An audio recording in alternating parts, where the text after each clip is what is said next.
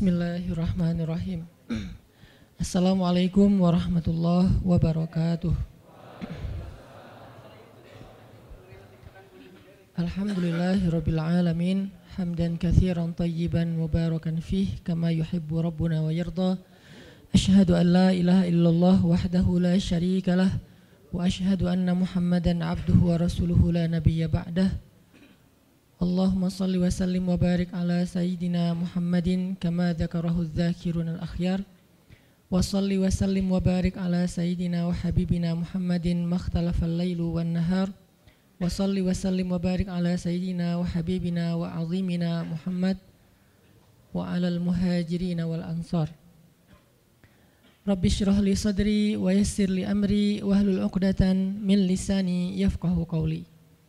Rabbana inna nas'aluka ilman nafi'a wa qalban khashi'a wa amalan salihan makbula wa hayatan tayyiba.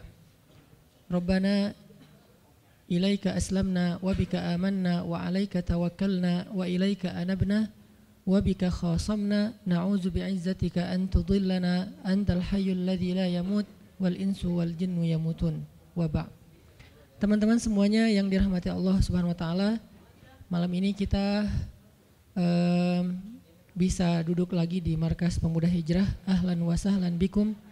Selamat datang buat semua anak muda Bandung. Mudah-mudahan Bandung ini menjadi salah satu di antara mercusuar dakwah di seluruh Indonesia.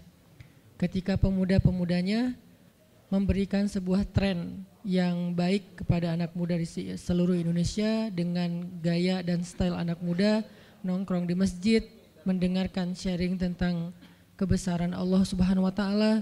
Mudah-mudahan dengan kayak gitu kita bisa memperbaiki iman kita kepada Allah, memperbaiki hubungan kita dengan Allah yang pastinya nanti Allah akan memperbaiki hubungan kita dengan sesama manusia. Jadi kaidah dasarnya siapa yang memperbaiki hubungannya dengan Allah, man aslaha ma bainahu wa bainallah aslahallah ma bainahu wa bainan nas. Siapa yang memperbaiki hubungannya dengan Allah, Allah perbaiki hubungannya dengan manusia. Manusia di sini termasuk keluarga, tetangga, masyarakat, bahkan dengan pemimpin, pemimpin dengan rakyatnya, antara satu golongan dengan golongan yang lain, satu agama dengan agama yang lain, itu semuanya diawali dengan islah ma baina ma bainana memperbaiki urusan antara kita dengan Allah Subhanahu wa taala. Jadi ketika anak muda secara tren mulai berbondong-bondong datang ke rumah Allah untuk balikan sama Allah, maka Allah Subhanahu wa taala akan memperbaiki juga urusan mereka di kantornya, di kampusnya, di sekolahnya, di gedung dewannya, di istananya dan seterusnya dan seterusnya. Dimulai dari kita balikan dulu kepada Allah Subhanahu wa taala setelah selama ini kita mutusin Allah tanpa kita sadari. Selama ini kita cuekin Allah tanpa kita sadari. Selama ini kita anggap Allah bukan prioritas dalam hidup kita tanpa kita sadari. Sehingga dengan tren anak muda mulai datang lagi ke rumah Allah, sujud sejajar antara kepalanya dengan kakinya dan beristighfar ngajak Allah untuk balikan dalam kebaikan-kebaikan, maka Allah itu maha pengampun lagi maha penyayang. Teman-teman semuanya, malam ini kita sharing tentang diam. Benar gak sih? Benar ya? Tentang diam. Dan saya nggak mau ngebahas dari sisi fikih hukum diam, terus nanti ada juga yang bertanya tentang hukum puasa diam, puasa nggak ngomong dan seterusnya. Karena memang dakwah saya agak sedikit menghindari perdebatan fikih. Kita akan coba renungkan beberapa kisah tentang diam yang ada di dalam Al-Quran setidaknya ada empat apa lima gitu kisah tentang amazingnya diam itu di dalam Al-Quran. Yang menurut saya nih setelah saya coba tadabur beberapa ayat tentang kisah diam ini dalam Al-Quran, ternyata sama, poinnya tuh sama di antara semua kisah. Bahwa diam kalau kita lakukan itu tepat dan kita punya alasan yang jelas, maka diam itu akan menjadi jalan lahirnya keajaiban dalam hidup kita. Jadi jalan munculnya keajaiban dalam hidup kita. banyak orang yang berbicara untuk membela diri. Padahal kalau dia diam, Allah yang bela dia. Kita ngebela diri kadang-kadang nggak ngaruh karena pembelaan diri kita tuh dianggap subjektif. Tapi kalau Allah yang bela dia, Allah punya banyak cara dan Allah menggenggam hati manusia. Sehingga ketika misalnya kita ribut dengan seseorang, setelah kita menjelaskan uh, duduk perkaranya, kita ngejelasin yang sebenarnya terjadi apa, udah cukup diam dan jangan mem, apa, mem, melanjutkan perdebatan. Kenapa? Biar nanti sisanya Allah yang akan beresin. Nah ini butuh apa untuk bisa kayak gini nih? Butuh iman. Karena kalau kita imannya lemah, kita kayak agak meragukan Allah bakal ngebelain kita. Padahal kita dalam posisi yang benar, mungkin kita akan terus-terusan bela diri. Kita akan tulis panjang sampai di scroll, kita akan narasi dengan kata-kata, kita akan berdebat, kita akan kerahkan semua teman-teman yang bisa ngebelain kita, kita akan cari semua argumen, kita akan cari semua kesalahan dia dibalikin. Semua cara ini adalah cara orang untuk membela diri dengan cara berucap. Ternyata di Al-Quran Allah pernah menceritakan kepada kita cara membela diri dengan diam. Bahkan kadang-kadang ketika kita membela diri dengan berucap, justru Allah menjauhkan dirinya dari kita. Allah pergi. Kenapa Allah pergi dari kita, berpaling dari kita? Karena saat kita membela diri dengan berucap, dengan ngomong, dengan broadcast, dengan komen, dengan bikin caption dan seterusnya, kadang-kadang di dalam kata-kata kita itu ada hal yang justru nggak benar. Ada yang bohong terpaksa gitu. Akhirnya gara-gara pengen bela diri kita jadi bohong Gara-gara pengen bela diri kita jadi cari-cari kesalahan orang lain. Gara-gara pengen bela diri kita jadi buka aib. Gara-gara pengen bela diri kita jadi melebih-lebihkan sesuatu yang harusnya nggak kayak gitu. Artinya justru karena kita berucap, karena kita ngomong malah jadi salah. Akhirnya orang nggak respect, Allah lebih nggak nggak respect lagi. Sehingga malam ini kita pengen belajar tentang gimana cara menjemput keajaiban ketika kita punya masalah dengan seseorang lewat diam. Mungkin teman-teman sering mendengar uh, hadis yang disampaikan oleh para penceramah, para ustadz. Hanya mungkin malam ini kita akan lebih banyak ngambil contoh. Karena saya pikir narasi-narasi ideal berupa ayat dan hadis udah banyak yang menyampaikan. Tapi membawanya dalam contoh konkret daily kehidupan kita itu mungkin gak semua orang uh, aware karena emang kehidupan orang beda-beda. Apalagi misalnya seorang ustadz yang mungkin jarang main sosmed. Dia nggak tahu masalah di sosmed itu apa. Seolah-olah sosmed itu bukan realitas hidup. Padahal kita tahu anak muda Indonesia main sosmed sehari nggak kurang dari 6 jam. Berarti ada 6 jam realitas kehidupan kita yang jarang dibahas dan dibimbing dengan bimbingan agama Allah, Al-Quran dan hadis. Kenapa? Karena realitas ini kurang difahami oleh sebagian guru-guru, oleh sebagian ulama yang mereka emang agak nggak terlalu akrab dengan sosmed. Mereka nggak akrab dengan yang namanya Instagram, YouTube, Twitter, Line apalagi. Karena Line ini anak mudanya mungkin ABG banget kan. Jadi agak-agak kurang akrab. Kalaupun mereka pakai itu hanya karena soleh banget kali ya. Karena soleh banget jadi mereka pakainya sebatas sekedar share ceramah doang. Jadi nggak main bukan pemain sosmed lah, sekedar menggunakan sosmed sebagai media panggung ceramah.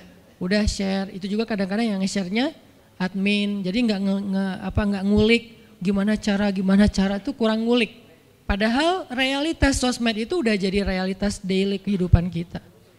6 jam kita ada di sosmed dan 6 jam itu tetap waktu yang akan dihisap oleh Allah. Bukankah selain harta, selain tenaga, selain amal, waktu juga akan dihisap? Maka waktu kita 6 jam itu apakah tidak ada hubungannya dengan agama? Ada banget. Sehingga saya mencoba untuk uh, semampu saya bareng dengan kita semuanya belajar. Bisa nggak ya kita jadi smart netizen? Atau dalam kehidupan sehari-hari bisa jadi smart citizen dengan sikap diam. Gimana sikap diam citizen, smart citizennya? Lagi di jalan, ketika orang lain mungkin bikin kita bete, bikin kita emosi, bisa nggak kita diam? Di rumah ketika kita berselisih dengan pasangan, bisa nggak kita diam? Di kos-kosan ketika kita digedor-gedor terus minta uang kos-kosan sama bu kos, bisa nggak kita? Eh salah eh. itu mah ngumpet ya. Eh, salah contohnya. Ya gitulah pokoknya. Jadi kita akan coba uh, bahas diam ini dari angle uh, daily kehidupan kita. Karena saya lebih suka kayak gitu biar langsung praktis bisa dipakai. Memang hadis-hadisnya banyak. Salah satu yang paling terkenal uh, man kana yu'minu billahi wal yaumil akhir falyakul khairan aw liyasmut. Cuman contohnya doang yang beda-beda. Narasinya sama, kontennya sama. Cuman contohnya be beda tergantung angle seorang ustadz dan apa wawasan kehidupan yang dia jalanin. Dia hidupnya sebagai apa? Kalau hidupnya sebagai seorang ustadz yang ada di dalam masjid, mungkin ya contoh-contohnya adalah tentang di dalam masjid, tentang bergaul sesama ustadz, dengan aktivis, manggilnya akhi ukti, tapi kalau dia kehidupannya main, berarti dia akan ngambil contoh tentang main. Gimana kita biar tetap bisa soleh walaupun kita lagi main dan seterusnya. Tapi narasinya sama. Maka na yu'minu billahi wal yaumil akhir falyakul khairan aw liyasmut. Atau nanti cerita yang lain kata Nabi, yang paling banyak memasukkan orang ke dalam api neraka dua. Satu lisannya, kedua kemaluannya. Ini dua hal yang paling sering menyebabkan orang masuk neraka. Kalau kemaluannya kita tahu artinya dia hawa nafsu, syahwat. Kalau lisan, lisan ini ngomong, justru gara-gara kita ngomong banyak, kadang itu jadi kayak pemberat timbangan keburukan kita dan itu tuh rugi gitu. Makanya kita perlu belajar, bukan saya ngajak kita, ya dua kita diam aja se seharian. Kayaknya agak kurang fair juga ya. Dan saya juga nggak diam seharian susah kalau untuk diam seharian apalagi sama keluarga kan kita butuh ngobrol sama temen ya se serealistis mungkin dan se senatural mungkin. Cuman kalau lagi ada kasus bisa nggak nih kita diam? Terutama kalau lagi ada kasus. Terutama kalau lagi ada masalah. Dan saya yakin kita tuh pasti sering punya masalah dengan seseorang. Gimana caranya kita diam? Gimana cara Nabi diam ketika diomelin oleh Aisyah radhiyallahu anha. Ngomel, diam. Aisyah ngomel kepada Nabi, nggak menceritakan aib orang lain, nggak mencela, cuman ngomel karena lagi cembu, cemburu. Nabi diam. Beres Nabi diam, baru Nabi nanya, udahan Aisyah, udahan. Terus Aisyah mau apa? Udah. Jadi nggak didebat sama Nabi. Padahal Nabi kalau mau mendebat, hadisnya banyak banget. Tinggal sesungguhnya saya bersabda kan beres ya. Udah selesai. Tapi kok Nabi nggak pakai hadis? Kok malah kita yang pakai hadis Nabi untuk mendebat? Sementara Nabi pemilik hadis nggak pakai hadis buat berdebat. Kalaupun beliau berdebat, perdebatan yang positif, perdebatan yang konstruktif, yang membangun, yang memberikan hasil yang insya Allah tetap menjaga akhlak. Itu yang disebut dengan wajadilhum billatihi ya ahsan. Tapi kalau dengan keluarga, Nabi itu nggak suka debat. Istrinya ngambek, istrinya apa? Istrinya rame-rame nggak mau apa namanya nggak mau ngomong sama Nabi, ya udah Nabi di mihrab ngomong aja sama Allah sama Jibril. Ternyata lebih dahsyat lagi. Ketika Nabi di mihrab ngomong sama Allah dan Jibril doang, akhirnya istri-istrinya lebih dari seminggu ngerasa kayak nasib kita gimana ya kok Nabi udah nggak mau ngomong sama kita lagi, kok kita digantung gini gitu kan ya. Akhirnya turunlah ayat Al-Quran yang menegur istri-istri Nabi gara-gara perilaku mereka kepada Nabi. Ini menunjukkan bahwa ayat-ayat tentang diam itu menjadi solusi itu luar biasa loh. Dan saya pengen malam ini sebagai motivator katanya, sebagai motivator saya pengen memotivasi kita supaya kita percaya diam itu solusi. Diam itu keajaiban. Nggak usah komen itu ternyata nggak nge-replay komen head itu ternyata bagus. Nggak usah terlibat dalam perdebatan di sosmed itu tuh bagus banget. Saya hari ini tadi sore posting tentang update berita di Palestina ada seorang perempuan yang ditembak di perbatasan sama orang Israel. Kenapa saya turn off si komennya? Karena saya tahu ini akan mengundang emosi. Jadi takutnya malah ke mana-mana kan. Jadi ngomong politik, jadi ngomong apa, mending di turn off aja deh. Tapi kalau yang lagi saya dibully, saya biasanya nggak nge-turn off. Yang di turn off tuh hal-hal yang sifatnya memunculkan polemik yang semakin melebar. Jadi kurang produktif. Akhirnya kita offin dulu komen komennya tapi saya tetap pengen share itu biar orang update berita dari sana itu lagi apa. Dan mudah-mudahan saya berharap itu di repost orang banyak akhirnya jadi minimal membangun awareness masyarakat dunia bahwa Palestina itu layak untuk merdeka. Dari dulu udah layak untuk merdeka sejak mereka dijajah oleh Israel. Itu aja doang sih kampanyenya. Biar tapi saya nggak mau kampanyenya melebar ke mana-mana sehingga di offin dulu aja komennya. Kenapa? Off komen itu kadang-kadang bagian dari diam baik. Ngapain juga kita ladenin komen yang macam-macam walaupun mungkin komennya itu ada yang kita berpihak sama dia, sefaham dengan dia, ada yang beda. Tapi tetap aja saya lihat kadang-kadang komen itu berlebihan. Sampai muncul kalimat-kalimat mencela, sampai marah-marah, sampai caps lock tanda seru kan ya. Ini kan nggak nyaman lagi kan kalau udah kayak gini, mending diam. Nah di sini kita pengen belajar, diam itu ternyata ajaib. Diam itu ternyata benar-benar kata orang emas. Diam itu ternyata solusi. Diam itu ternyata pembelaan diri yang paling efektif. Kalau selama ini kita masih percaya membela diri yang paling efektif ngomong. Membela diri yang paling efektif itu bikin uh, postingan. Membela diri yang paling e efektif itu bikin caption yang bagus. Membela diri yang paling efektif itu komen. Membela, membela diri yang paling efektif itu minta apa? Minta pembelaan dari manusia.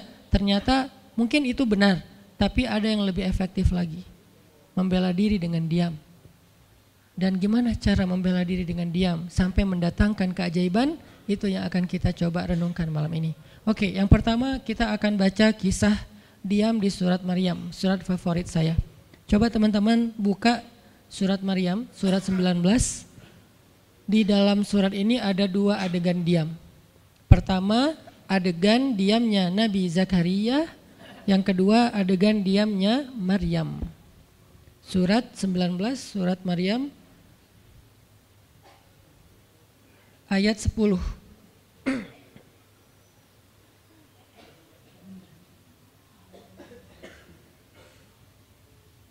Sekaligus kita pengen belajar kalau kita lagi diam pas kita dicerca, ketika kita disakiti, ketika ada masalah dengan seseorang, kalau kita diam kita ngapain gitu kan gitu ya. Nggak diam doang kan, kita ngapain. Nah, di sini kita belajar surat 19, surat Maryam ayat 10 dan 11. Kita tilawah bareng-bareng ya. Saya baca habis itu teman-teman ikutin. A'udzu billahi minasy syaithanir rajim. Silahkan.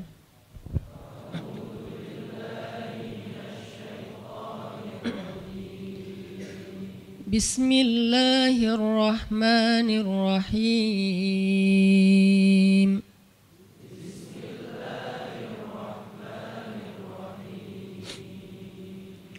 قال رب اجعل لي آية.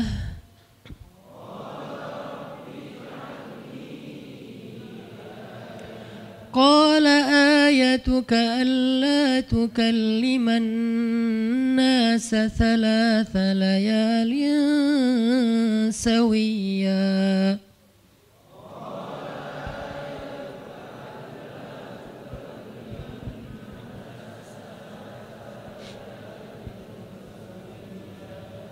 فخرج على قومه من المحراب.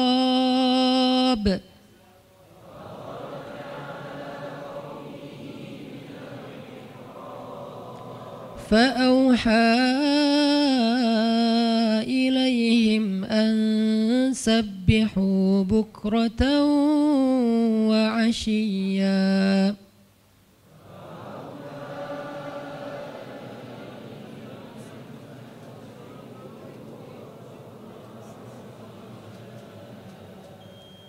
Berkatalah Zakaria, Robbi, berikanlah untukku sebuah pertanda bahwa aku akan punya anak laki-laki. Allah berfirman, tanda-tanda bagimu adalah engkau tidak akan bisa berbicara dengan manusia selama tiga malam berturut-turut. Maka keluarlah Zakaria kepada kaumnya dari mihrabnya dan memberi mereka isyarat supaya mereka bertasbih kepada Allah setiap pagi dan petang. Ini adalah adegan kita lanjutin sekitar dua menit sebelum azan. Ini adalah adegan ketika Nabi Zakaria dapat berita gembira akan punya anak laki-laki. Karena Nabi Zakaria berdoa minta anak laki-laki dari sejak nikah sampai usia 80 tahun. Kurang lebih sekitar 50 tahun berdoa. Lama banget, ya Allah beri anak, ya Allah beri anak. Sampai iparnya udah punya anak keren namanya Maryam. Iparnya adalah Imron. udah punya anak, keren banget, cewek, soleha, dari kecil udah beribadah di Masjid Aqsa, Zakaria masih minta anak, ya Allah, ya Allah, ya Allah, sampai puncaknya Zakaria ngelihat Maryam dapat makanan dari langit. Zakaria datang ke mihrab Maryam, terus di situ udah ada makanan yang bukan dibawa oleh Zakaria. Zakaria nanya, "Anna laki hadza ya Maryam?" Maryam dapat dari mana makanan ini? Kata Maryam, "Huwa min indillah dari Allah," kata Maryam. Gimana caranya? Kata Maryam, Allah punya cara sendiri. Allah yarzuku ma yasha, eh, yasha bi ghairi hisab. Terserah Allah gitu. Masya Allah, Masya Allah. Zakaria kagum sama Maryam. Langsung pergi ke mihrabnya Zakaria, ber, apa, dan di dalam sholatnya Zakaria berdoa huna da'a Zakaria Rabbah di saat itulah Zakaria benar-benar nangis berdoa kepada Allah ya Allah Rabbi habli min ladunka dzurriyyatan thayyibah innaka sami'ud du'a. Ya Allah beri saya anak seperti dia. Seperti Maryam, engkau maha mengijabah doa dan saya enggak pernah berputus asa meminta kepadamu. Udah 8, udah 50 tahun lebih. Tiba-tiba Allah bilang, Ya Zakaria, inna nubashiruka bi gulam, ismuhu Yahya. Lam naj'al lahu min qablu samia. Zakaria, sekarang kami akan perkenankan doamu, kamu akan punya anak, beri dia nama Yahya. Belum pernah ada anak seperti dia yang soleh di muka bumi. Zakaria kaget, walaupun doa, tapi beliau masih berpikir kayak gimana caranya saya punya anak. Ini kayak apa ya tarik-tarikan antara logika manusia dengan iman. Imannya percaya Allah Maha Kuasa, tapi logikanya gimana caranya? Istri saya sudah tua, saya juga udah tua. Lalu, lalu Nabi Zakaria bertanya untuk biar lebih tenang supaya logikanya nggak ragu lagi kalau imannya udah mantap tinggal logika. Zakaria tanya e, beri saya ij'al li ayah beri saya bukti tanda gimana cara saya punya anak. Kata Allah tandanya Allah tukalliman nas salah salayalin sawiya. Kamu tiba-tiba nggak bisa ngomong. Kamu sehat, kamu nggak punya masalah, tapi kamu nggak bisa ngomong. Mau ngomong tuh nggak bisa. Kamu bisa tilawah, kamu bisa zikir, tapi kamu nggak bisa ngomong. Bisa subhanallah, subhanallah, subhanallah. Bisa alhamdulillahi rabbil. Gak bisa. Jadi baca Quran kalau ada Quran, tapi dulu kan Taurat ya. Baca Taurat bisa, zikir bisa, hayya ala sholah kalau azan ada azannya bisa, pokoknya semua bisa kecuali mau ngomong tuh gak bisa. Masya Allah ya, luar biasa. Kenapa? Karena Allah pengen Zakaria zikir aja tiga hari. Jangan ngomong dengan manusia walaupun ucapannya baik kecuali zikir. Jadi kalau mau ngomong dengan manusia, subhanallah, masya Allah, alhamdulillah, bismillah. Cuman gitu doang ngomongnya. Gak bisa, eh lu mau ke mana? Gak bisa. Insya Allah, insya Allah gitu. Jadi cuma bisa zi, zikir. Saking Allah pengen Zakaria menghabiskan tiga hari sebelum Allah tunjukkan keajaiban hanya dengan berzikir. Apa poinnya di sini? Kalau kita pengen ada keajaiban dalam diam, maka isilah diam kita dengan zikrullah. Insya Allah nanti kita lanjutkan setelah sholat isya. Bismillahirrahmanirrahim. Teman-teman semuanya, kita lanjutkan tadabur kita terhadap ayat di surat Maryam ayat 10 dan 11 kisah keajaiban yang diperoleh oleh Nabi Zakaria alaihissalam dengan Allah anugerahkan untuk beliau anak yang super duper keren luar biasa yang bernama Yahya alaihissalam. Dan salah satu cara Allah Subhanahu wa taala uh, mendidik Nabi Zakaria untuk menjemput keajaiban itu adalah Allah menyuruh Zakaria untuk diam dan mengisi diamnya dengan zikratullah bukratan wa asiyya. Mengingat Allah pada waktu pagi dan pada waktu petang. Artinya diisi dengan zikir. Dan waktu itu Nabi Zakaria menurut ulama tafsir, beliau tidak cacat lisannya, benar-benar bisa ngomong. Hanya tidak bisa bicara dengan manusia tapi bisa berzikir. Jadi beliau bisa zikir, bisa mengucapkan kalimat-kalimat uh, Alkitab yaitu Taurat. Beliau bisa uh, membaca ayat-ayat Allah, beliau bisa mengucapkan kalimat Bismillah dan seterusnya, tapi nggak bisa ngomong dengan manusia. Dan itu terjadi selama tiga malam. Dan akhirnya setelah tiga malam, Nabi Zakaria tiba-tiba dapat berita gembira kalau istri beliau hamil. Ini pelajaran penting banget buat kita. Kalau ini pernah berlaku terjadi kepada Nabi Zakaria, keajaiban dengan cara kayak gini, maka ini juga akan terjadi kepada kita. Itulah alasan kenapa kisah tersebut direkam dalam Al-Quran. Supaya dia menjadi pelajaran hudan lil muttaqin. Itu kenapa Allah katakan Al-Quran hudan lil muttaqin. Petunjuk bagi orang yang bertakwa. Orang yang pengen memperbaiki diri. Orang yang pengen dapat solusi. Muttaqin, orang yang pengen wa may yattaqillah yaj'al lahu makhraja. Dapat jalan keluar. Wa yarzuqhu min haitsu la yahtasib. Dikasih rezeki yang enggak terduga-duga Wa may yattaqillaha yaj'al lahu min amrihi yusra. Diberikan kemudahan. Wa may yattaqillaha yaj'al lahu yukaffir anhu sayyi'atih. Dihapuskan semua dosa. Wa yu'zim lahu ajra. Dikasih reward yang berlipat-lipat. Maka siapa yang pengen dapetin keajaiban-keajaiban orang bertakwa itu, maka jadikanlah Al-Quran sebagai petunjuknya hudan lil mutakin. Nah, gimana cara kita jadiin Al-Quran sebagai petunjuk? Jawabannya juga ada di ayat yang sama, la raibafih jangan ragukan ayat-ayat Al-Quran. Termasuk kisah-kisah yang ada di dalamnya.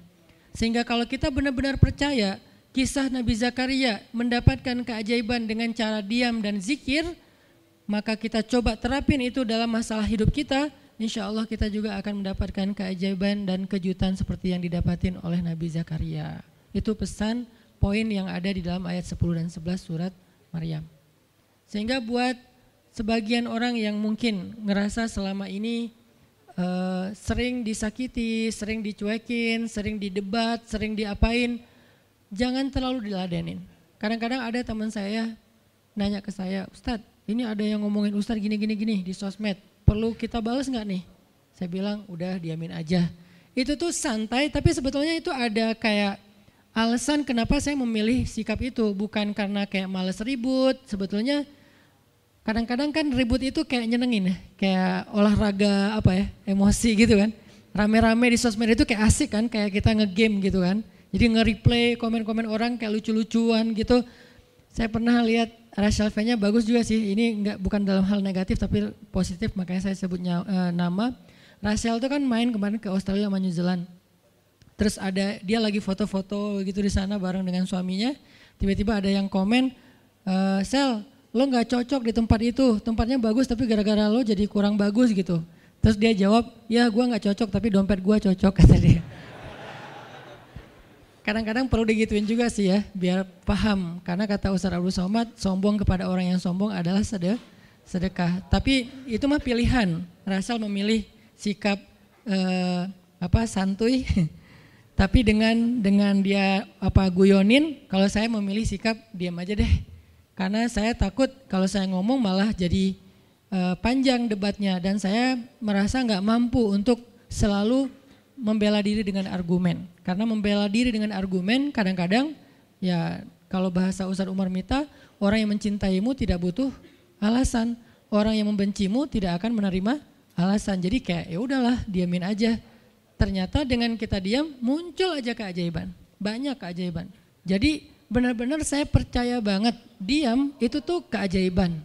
Dan itu berlaku dalam dakwah, berlaku dalam masalah keluarga. Ketika istri lagi ngambek, dia misalnya komen panjang di sosmed, eh di sosmed, di apa, di WhatsApp misalnya, dia kayak eh, misalnya lagi namanya juga lagi ngambek ya, ngomong panjang di WhatsApp. Kalau saya sabar untuk diam, itu tuh beres dengan sendirinya dan akhirnya malah lebih baik. Tapi kalau saya kepancing, jadi kita balas-balesan sepanjang hari whatsappan terus nggak beres-beres, tapi hasilnya makin lama tuh tangan pegel, hati panas. Karena kayak pengen dia balas apa, oh balasin lagi, balas apa, balasin lagi, terus aja gitu habis energi dan kerasa gitu capeknya tuh luar biasa. Tiba-tiba muka jadi lebih tua gitu kan ya, tiba-tiba berkerut semua, terus warna kulit makin doff gitu. Ini gara-gara Gara-gara efek stres kali ya. Jadi intinya adalah jangan diladenin, diamin aja setelah kita klarifikasi fitnah. Kalau itu berbentuk fitnah, tetap kita butuh tabayun, klarifikasi biar tidak menyebar fitnah. Tapi beres klarifikasi nggak usah diperpanjang. Berapa kali mungkin teman-teman ngelihat mungkin saya pernah ada nggak ada apa-apanya sih dibandingkan Ustadz Felix. Kalau beliau lebih pro lah dalam masalah kayak gini. Kalau saya beberapa kali dibully di sosmed, Pernah nggak saya ladenin? Hampir nggak pernah. Cuman klarifikasi maksudnya udah beres, diamin aja, diamin. Sepahit apa pun, sepanas apa pun kalimatnya, yang kadang-kadang Ustaz nggak baca, baca. Penasaran soalnya. Kalau kita diam karena nggak baca mungkin nggak ada challenge-nya kan. Ini baca komennya semua sampai ribuan itu satu-satu dibaca tuh. Oh gini ya, bisa gini ya orang ngomong teh. Terus aja dibacain satu-satu.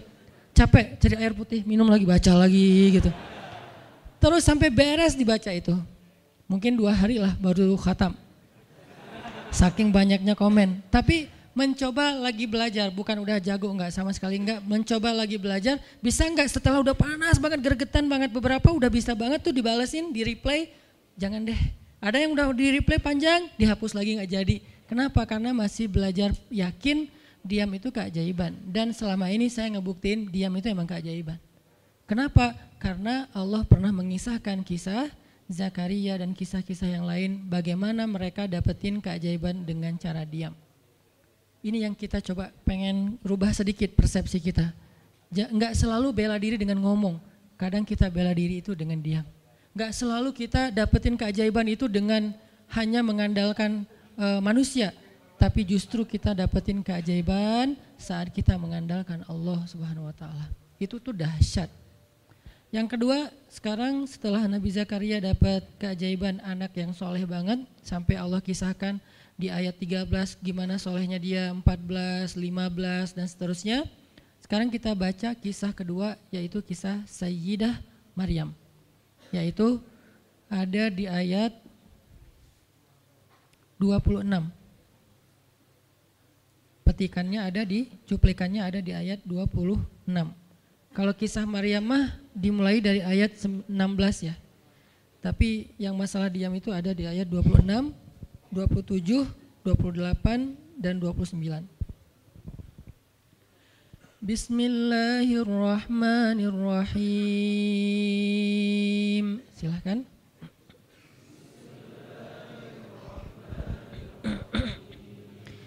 Fakuli washrabi wa qarri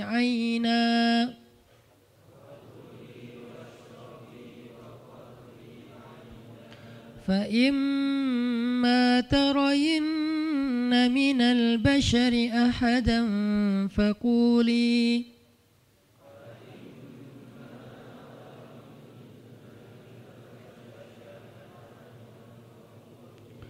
فقولي إني نذرت للرحمن صوما فلن أكلم اليوم إنسيا.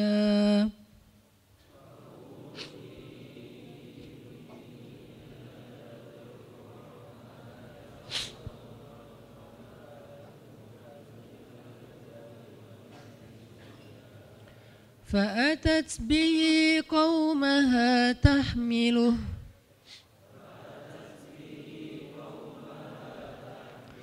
قالوا يا مريم لقد جئت شيئا فريا.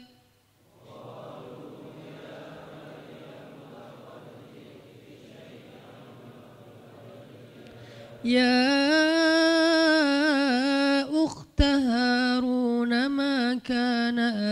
أبوك امرأ سوء.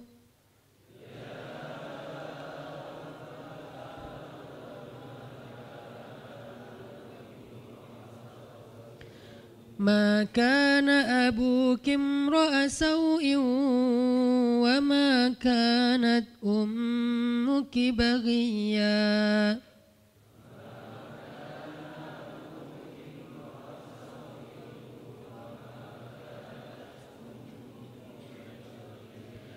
فأشارت إليه.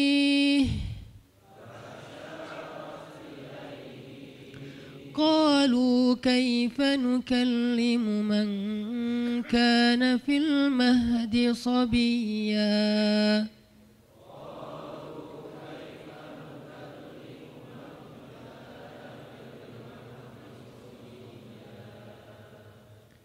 Dan maka makan dan minumlah dan bersenang hatilah engkau wahai Maryam. Dan jika engkau bertemu dengan seseorang katakanlah sesungguhnya saya telah berazam untuk berpuasa pada hari ini dan saya tidak akan berbicara dengan manusia pada hari ini. Lalu Maryam pun datang kepada kaumnya sambil menggendong bayinya. Kaumnya berkata, "Wahai Maryam, engkau datang kepada kami dengan membawa uh, kalau bahasa kita tuh pembawa apa istilahnya? sial. Apa ya? Dengan membawa keburukan. Jadi kayak dianggap pembawa kesialan. Wahai saudari Harun, sesungguhnya ayahmu bukanlah seorang yang nista ataupun pendosa dan begitu juga dengan ibumu bukanlah perempuan yang hina. Lalu Maryam memberi isyarat, fa'asyarat ilaih, memberi isyarat dengan menunjuk ke arah bayinya. Lalu mereka berkata, bagaimana kami akan berbicara dengan seorang bayi yang masih digendong oleh ibunya, maksudnya masih terlalu kecil. Ini adalah cuplikan adegan Maryam ketika baru pulang kampung. Jadi ceritanya di ayat sebelumnya ketika ras, uh, kandungan Maryam semakin besar dan nggak bisa disembunyikan dari peng, penglihatan manusia, Maryam pun pergi menjauh ke sebuah tempat yang tidak ada siapa-siapa. Fahamalathu fantabadat bihi makanan qasiyya. Dia menjauh mengucilkan diri ke tempat yang nggak dilihat oleh siapa-siapa sampai melahirkan. Jadi kurang lebih sekitar tiga bulan empat bulan Maryam nggak ada di uh, Al-Quds, nggak ada di uh, apa di Masjid Aqsa dan sekitarnya. Dia pergi mengasingkan dirinya supaya tidak ada yang menghujat Maryam karena ngelihat perutnya sudah semakin besar dan dia nggak punya suami. Setelah melahirkan, akhirnya Allah perintahkan Maryam untuk pulang. Setelah Allah ngasih makan, minum dan kebahagiaan buat Maryam, fakuli washrobi wakarri aina dengan adegan korma yang menjatuhkan buah-buah rutop dan seterusnya, pulanglah Maryam. Nah, Maryam tahu ketika dia pulang dengan membawa bayi, dia pasti akan dihujat, dicela, dicaci maki, dibully oleh kaumnya. Lalu Allah memberi kepada Maryam bekal. Gimana cara ngadepin yang kayak gitu-gitu? Kata Allah, kalau kamu ketemu manusia, ketemu orang-orang, ketemu kaummu, bilang ke mereka, saya tidak berdebat hari ini. Saya nggak akan berdebat. Jadi dia tetap bisa ngomong. Tapi dia bilang, saya nggak akan berdebat. Saya nggak akan bicara dengan siapa pun hari ini karena saya sudah bernazar untuk diam. Bilang kayak gitu kepada kaummu. Maka fa'atat bihi qaumaha tahmiluh. Maka datanglah Maryam kepada Al-Quds, kepada kota Al-Quds dengan membawa bayinya yang digendong. Datang. Baru dari ujung kota kelihatan Maryam, muncullah orang-orang Bani Israel semuanya rame di pasar-pasar mereka, semuanya menghadang Maryam. Maryam tiba-tiba dihadang di gerbang kota Al-Quds nggak boleh masuk kota Al-Quds.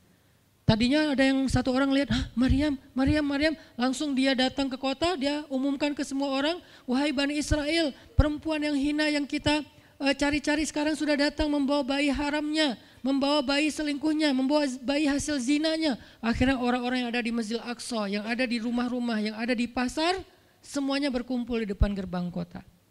Menghalang Maryam masuk. Kebayang nggak perasaan Maryam? Padahal dia itu lahir di situ, dia beribadah di situ, ayahnya orang situ, ulama pula, pamannya nabi pula di situ, tapi dia sekarang dihadang oleh semua penduduk Al-Aqsa, penduduk Al-Quds, Bani Israel. Ketika Maryam mendekat, mereka mengatakan, Ya Maryam, laqad ji'ti syai'an fariya. Ini ini bahasa Al-Qur'an. Kalau aslinya lebih tercela daripada ini karena ini bahasa Al-Qur'an yang tinggi, Allah menggunakan bahasa simbolik saja. Yang terjadi mereka mencela Maryam. Mereka bilang Maryam kamu pembawa sial. Maryam kamu perempuan hina. Maryam kamu tukang zina. Maryam kamu selingkuh. Maryam kamu ternyata apa? Pelakor, apa segala macam. Kebayang nggak seorang perempuan yang mulia dituduh, dituduh dengan kata-kata kayak gini? Sedih, pengen jawab, pengen bilang saya ini nggak nggak pernah berbuat dosa. Ini nih Allah yang ngasih kepada saya. Saya nggak punya suami dan saya diberikan anak yang suci dan segala macam. Enggak enggak. Tanya kepada Zakaria kalau nggak percaya, saya punya buktinya segala macam, nggak usah, diam aja. Maryam bisa ngomong kalau mau. Maryam by the way adalah perempuan secerdas Sayyidah Aisyah. Dia itu kayak Aisyah cerdasnya, kayak Khadijah bijaksananya, kayak Fatimah lembutnya, kayak Asia sabarnya. Maryam itu istimewa. Sampai sebagian ulama mengatakan Maryam satu-satunya nabi dari perempuan. Satu-satunya nabi dari golongan perempuan. Sebagian kecil ulama ada yang menyebutkan demikian. Sehingga mereka menyebut Maryam alaihassalam. Saking Maryam ini keren banget, istimewa banget. Tapi jumhur ulama sejarah mengatakan Maryam bukan nabi, tapi dia perempuan soleha, orang soleh, bahkan satu dari empat perempuan sempurna di muka bumi dan tidak ada yang kelima. Cuma ada empat. Kamu minar rijali kasir kata Nabi. Laki-laki yang sempurna itu banyak, yaitu para rasul dan para nabi. Walam yakmul minan nisa illa arba'ah. Tidak ada perempuan yang sempurna kecuali empat. Asiyah istri Fir'aun, kemudian Maryam anaknya Imran, kemudian Khadijah istri Rasulullah dan Fatimah bintu bintu Rasul Rasulullah. Artinya Maryam ini istimewa banget. Dia kalau mau argumen, dalilnya lebih banyak daripada para rabi-rabi Yahudi yang ada di situ. Karena ketika Maryam dulu berkhidmat di Masjid Aqsa, Maryam itu nggak belajar seperti yang lain-lain. Karena kan dulu orang Bani Israel itu paling anti sama cewek ya. Buat mereka perempuan itu kasta kedua. Seolah-olah perempuan itu nggak punya hak yang sama dengan laki-laki. Laki-laki punya hak belajar di Masjid Aqsa, perempuan nggak boleh. Ini ini kesenjangan uh, apa uh, gender di masa Bani Israel dulu. Jadi kalau ada yang mau nuduh Islam sebagai tidak memperhatikan masalah gender, dia harusnya baca sejarah. Justru Islam, Al-Quran, Taurat, Injil mengangkat perempuan untuk setara dengan laki-laki. Awalnya perempuan itu hina di masyarakat Bani Israel, dianggap pembawa sial. Sampai masyarakat jahiliyah sebelum Islam datang, apa yang terjadi dengan bayi perempuan? Dibenamkan dalam pasir hidup-hidup, dibunuh, dilempar dari bukit supaya mati apa mati langsung seketika. Kenapa? Termasuk Umar pernah membunuh bayi perempuan. Umar radhiyallahu an. Kenapa dia sedih banget karena dia ingat masa lalu ketika dia pernah membunuh bayi perempuan. Kenapa mereka membunuh bayi perempuan? Karena dianggap perempuan ini membawa sial. Tapi datang Islam mengubah tradisi itu. Mengubah persepsi publik. Yang tadinya perempuan dianggap hina, mari, uh, dalam Islam dikatakan surga ada di bawah telapak kaki ibu. Muncul harga diri perempuan naik. Apalagi sebaik-baik kalian yang paling baik untuk istrinya dan aku yang paling baik untuk istriku di antara kalian. Muncul lagi hadis, kalau seandainya laki-laki mau bersabar terhadap istrinya, maka harusnya dia bersabar 70 kali sehari kalau dia disakiti oleh istrinya. Yang ke 71 baru dia boleh marah. 70 belum boleh marah. Jadi perempuan, ibu-ibu, istri kalau mau bikin suaminya sebel, sampai 69 atau 70 boleh lah. Tapi yang ke 71, nah ini udah layak dimarahin. Tapi kan nggak pernah ada sampai 70 kan. Paling juga 10 persennya lah, 7 kali sehari. Dan itu istiqomah setiap hari. Hari ini kok kamu gini lagi sih kemarin udah kan udah beda hari jadi beda hitungannya nol lagi mulai dari awal. Tapi nanti ada hadis penyeimbang. Nabi itu kan bijaksana banget. Yang diajarin bukan cewek doang, cowok juga diajarin. Ketika hadisnya supaya memuliakan perempuan ada, nanti ada lagi hadis laki-laki Seandainya seorang perempuan menjilat luka dan nanah darah dan nanah di tubuh suaminya, itu belum bisa membayar satu saja kebaikan suami kepada dia. Jadi menjilat lukanya aja belum bisa bayar kebaikan terus ngapain marah-marah coba. Sehingga dua-duanya ada nasihat untuk suami kalau istrinya lagi ngambek namanya juga lagi sedih. Ya udah kamu sabar aja 70 kali. Untuk istri, jangan ngambek karena kalau kalian berbuat baik aja belum bisa bayar kebaikan mereka. Terus gimana dong Ustadz? Ya udah, sekarang solusinya adalah sama-sama mengambil sisi baiknya. Kayak gitu nasihat Nabi. Makanya saya agak kurang setuju kalau khutbah Jumat itu memakai hadis menjilat darah dan nanah. Karena yang dengar suami. Wah bener nih khutbah Jumat, saya senang banget khutbah Jumat hari ini. Pulang-pulang, mah tadi khutbah Jumat keren banget. Nih mah, saya kebenaran aku catat, nih mah gak bisa. Kalau khutbah Jumat pakailah hadis sabar 70 kali. Menasihati sua, suami. Kalau majelis taklimnya ibu-ibu, masalah tadi seandainya saya boleh menyuruh manusia sujud kepada manusia, saya suruh sujud istri kepada sua, suami. Masing-masing ada hadisnya, jangan disilang. Ini nggak bijak dalam ceramah, karena harusnya memberi nasihat yang bisa memperbaiki, bukan menambah tuntutan-tuntutan baru. Wah benar nih kalau suami saya dengar, untung apa harusnya suami saya datang, Ustadz boleh enggak acara selamatan di rumah saya nanti uh, temanya ini gitu. Kalau perlu ngundang Ustadz yang dia kenal request dulu untuk ngemojokin pasangan, ini enggak bijak.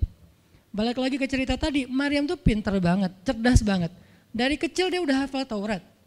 Ibarat anak sekarang hafal Quran dan lebih sulit ngafal Taurat daripada Quran. Kenapa? Karena bahasa Al-Quran itu sastra banget. Jadi ngafalnya itu kayak ngafal syair. Itu aja udah susah kan? Kebayang gak ngafal Taurat? Lebih sulit lagi tuh. Dan Maryam dari usia di bawah lima tahun udah khatam Taurat. udah tahu tafsir Taurat usia tujuh tahun. Bahkan saking keren dan pinternya Maryam, kadang-kadang ketika Maryam ngobrolin tentang Taurat sama Zakaria, itu Zakaria sampai geleng-geleng kepala. Maryam, gitu maksudnya? Sampai nanya ke Maryam, gitu om maksudnya. Eh, Maryam ngomongnya ke Zakaria udah kayak ngajar gitu. Saking pinternya Mar Maryam. Jadi hadis-hadis Zakaria, Maryam hafal. Kan para ambia itu punya hadis kan? Hadis Zakaria dihafal oleh Maryam. Tauratnya Musa dihafal oleh Maryam. Kebijaksanaan para nabi dihafal oleh Maryam. Dia dari usia 10 tahun itu udah jadi ulama besar Maryam. Artinya kalau misalnya orang mau berargumen dengan Maryam, dia punya banyak bahan, dia punya banyak narasi. Dia lagian Maryam itu pintar ngomong. Tapi Maryam diam. Jadi kalau kita ngerasa pintar ngomong, pintar komen, pintar apa, tetap aja kita punya alasan harusnya kita diam karena Maryam yang lebih daripada kita ternyata juga diam. Akhirnya Maryam diam. Dikatakan ya Ukhta Harun, diingatkan lagi dengan kemuliaan keluarga Imran. Ya Ukhta Harun, ma akana abu kimro asau, wa ma kanat ummuki bagiya. Ayah kamu itu Imran loh Maryam, kamu nggak malu punya uh, bayi di luar pernikahan sementara keluarga kalian itu keluarga baik-baik. Apa kamu tega menyakiti ayahmu, mencoreng nama besar dan nama baik keluarga besarmu dan seterusnya. Maria makin luar biasa panas banget, sedih banget. Dan Maryam itu yang lebih berat lagi teman-teman. Mungkin kalau kita digituin agak apa agak kebal ya. Terutama cowok lah. Cowok kalau digituin agak kebal karena emang kurang berperasaan sih kalau cowok ya. Coba lihat dari angle cewek. Cewek itu lebih peka loh dari kita. Kita mah mungkin lebih mudah lah diam. Diomelin, diam aja. Karena kita kan orangnya agak santuy gitu kan. Kalau cewek itu nggak bisa gitu. Makanya lihat angle ini dari angle cewek. Kalau tadi Zakaria, sekarang Maryam. Dan Maryam lebih peka daripada semua cewek yang ada di muka bumi. Lebih perasa lagi daripada perempuan yang ada di muka bumi. Sangat-sangat pemalu. Saking pemalunya ketemu cowok keren, tak awus coba. Cewek itu perasaannya lebih dalam daripada kita. Jadi kalau misalnya cewek-cewek, Maryam tuh nggak punya ketemu cowok keren aja dia tak awus. Siapa cowok keren yang ditemui Maryam? Jibril, Gabriel loh yang ditemuin. Dan waktu itu Jibril menjelma apa? Fatamassalaha basyaron sawiya. Jibril menjelma sebagai basyaron sawiya. Allah yang ngomong tuh, cowok keren. Allah yang bilang keren. Kalau kita merasa udah paling keren, menurut Allah biasa-biasa aja. Karena Allah pernah menciptakan Yusuf, Allah pernah menciptakan Muhammad, Allah pernah menciptakan Yahya, kita merasa paling keren, Allah pernah menciptakan uh, Sarah, perempuan paling keren juga, Aisyah, Fatimah. Jadi buat kita kayak udah kegeeran paling keren se-Bandung gitu kan ya. Menurut Allah mah biasa. Kalau Jibril, Allah sendiri yang bilang dia tuh emang keren. Jibril emang bukan malaikat, malaikat. Tapi kalau ketemu manusia, kecuali para nabi, Jibril itu menjelma sebagai manusia. Supaya tidak terlihat wujud aslinya. Karena nggak kuat orang lihat wujud aslinya Jibril. Nabi Muhammad aja pertama ngelihat Jibril dengan wujud aslinya pas di gua Hiro itu lari tuh. Takut, saking ngerinya Jibril tuh. Jangankan manusia, malaikat aja segan sama Jibril.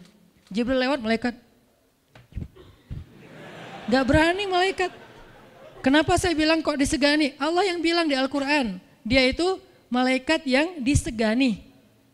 Zu mirratin. Zu mirrah kalau bahasa kita malaikat yang sangat berwibawa sehingga di antara malaikat aja nggak ada yang sembarangan bicara sama Jibril. Mau bicara sama Jibril kayak, aduh eh, segan eh, segan eh, malu eh, malu eh. Gitu malaikat, cuman nggak pakai eh itu mah Sunda ya.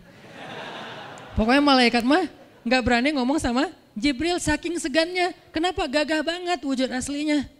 Ketika dia membentangkan sayapnya, itu sayap menutupi timur dan barat.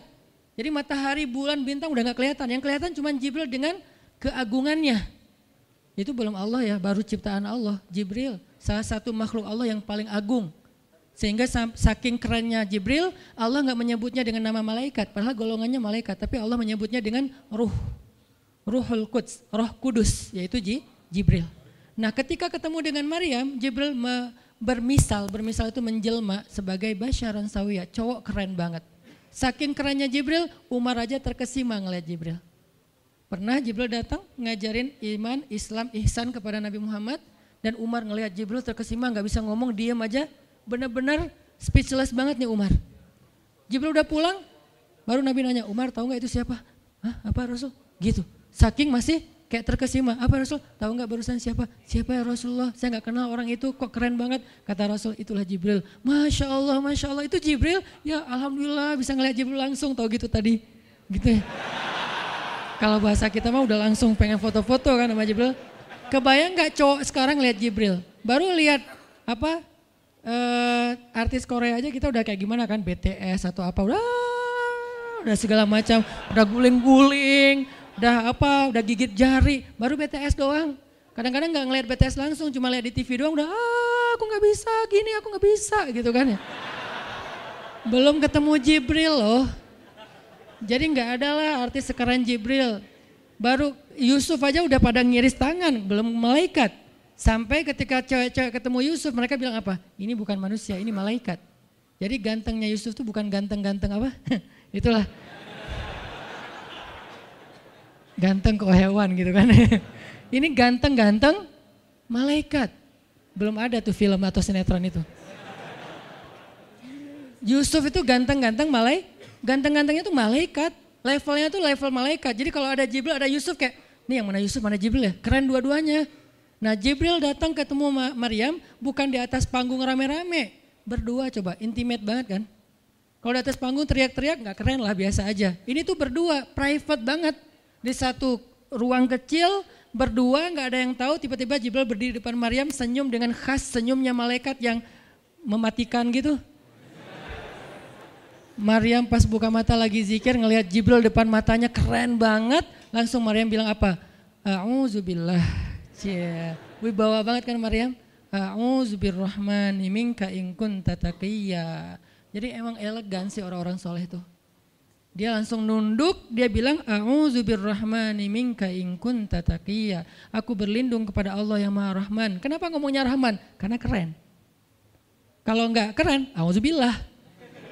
Karena keren, a'udzubirrahman. Tapi masih taat, ta'awuz, cuman pakainya Rahman karena Allah tuh maha pengasih yang udah bikin kamu tuh keren. Diksinya luar biasa ya. Maryam gak bilang, Auzubillah rajim. Enggak, ini enggak, enggak layak dibilang syaitan, ini terlalu keren. Jadi enggak bisa auzubil, auzubillah, auzubir rahman. Berarti Maryam itu pinter. Sampai dia bisa memilih diksi asmaullahil husna. Dia enggak pakai diksi Allah, dia pakai diksi ar-Rahman. Karena yang datang itu wajahnya tuh wajah orang baik tapi keren. Akhirnya a'udzubirrahmani minka in kunta taqiyya kata Maryam. Jibril juga elegan, faham maksud Maryam. Maksudnya kamu siapa? Itu pertanyaannya. Maryam gak nanya, e, kamu siapa ya? Enggak, enggak gitu. Kan gaya culun-culun kayak caper gitu kan. Kak, kamu siapa ya? Aku ada salah sama kamu. Enggak gitu sih Maryam ngomongnya. Saking elegannya Maryam, dia nanya kamu siapa tapi pakai kalimat zikir. Keren gak sih? Kita kadang-kadang zikir, Auzubirohmani minka. Artinya apa mbak? Sama-sama gak elegan ya. Kalau Maryam sama Jibril dua-duanya elegan. Bahasa orang elegan itu emang banyak kode sih. Jadi kita mah yang polos-polos kayak gini, yang remeh-remeh rempeyek gak jelas gini, ya nggak akan paham kalau nggak baca taf, tafsir. Makanya kalau mau theater of mind, baca Quran itu pakai tafsir, pakai kisah, baru kita ngerti kondisinya. Oh gitu banget ya, dahsyat banget ya kejadian waktu itu. Jibril datang dengan dengan wujud yang kerennya. Maryam pengen nanya kamu siapa? Kok tiba-tiba masuk ruangan saya? Tapi bahasanya A'udzubirrahmani minka in kunta Aku berlindung kepada Allah yang maha baik darimu kalau kamu takut kepada Allah. Maksudnya kamu siapa? Takut nggak kamu sama Allah? Baru Jibril mengatakan, saya adalah utusan Allah, berarti malaikat untuk memberi kabar kepadamu kalau kamu akan punya anak. Baru mereka melihat, gimana saya punya anak? Ya udah ada obrolan nih. Dan mereka udah biasa aja, oh Jibril saya kira siapa, udahlah nggak mungkin. Artinya udah udah kayak gitu nih kesolehan Maryam. Artinya Maryam itu orang yang sangat peka banget, perasaannya dalam banget. Terus nanti ketika Maryam melahirkan anak, tahu nggak kata-kata Maryam apa? Ya laitani mitu qabla hada wa kuntu nasyam Saat Maryam merasakan sakitnya kontraksi, mau melahirkan uh, Isa, Maryam itu sambil kontraksi sambil bilang, Ya laitani mitu qabla hadha wa kuntu nasyan mansiya. Aduhai seandainya saya mati aja sebelum kejadian ini dan saya dilupakan oleh manusia seolah-olah saya tidak pernah ada. Kenapa Maryam ngomong kayak gini? Maryam ngebayangin betapa malunya dia nanti kalau harus membawa bayinya ketemu Bani Israel yang pada bawel. Bani Israel itu terkenal kaum yang paling ba bawel. Bawelnya banget, banget, banget. Kalau kita baca Al-Baqarah itu isinya kebawelan Bani Israel. Kata Nabi Musa, sembelihlah uh, Al-Baqarah. Al-Baqarah itu kan banyak, yang warna apa? Cari yang warnanya bersih. Yang bersih kan juga ada, ada belang-belangnya nggak dikit. Terus yang beratnya berapa, berapa kilo, yang dari mana, dari Bali atau NTB atau dari mana, bawel banget. Udahlah cari aja seekor sapi, sembeli beres. Tapi nanya lagi, nanya lagi, nanya lagi, bertele-tele. Itulah Bani Israel. Dan Maryam tahu banget karakter kaumnya. Jangankan dengan fitnah kayak gini nih, ketemu Nabi yang udah menyampaikan hal yang benar aja, itu di debatnya tuh habis-habisan.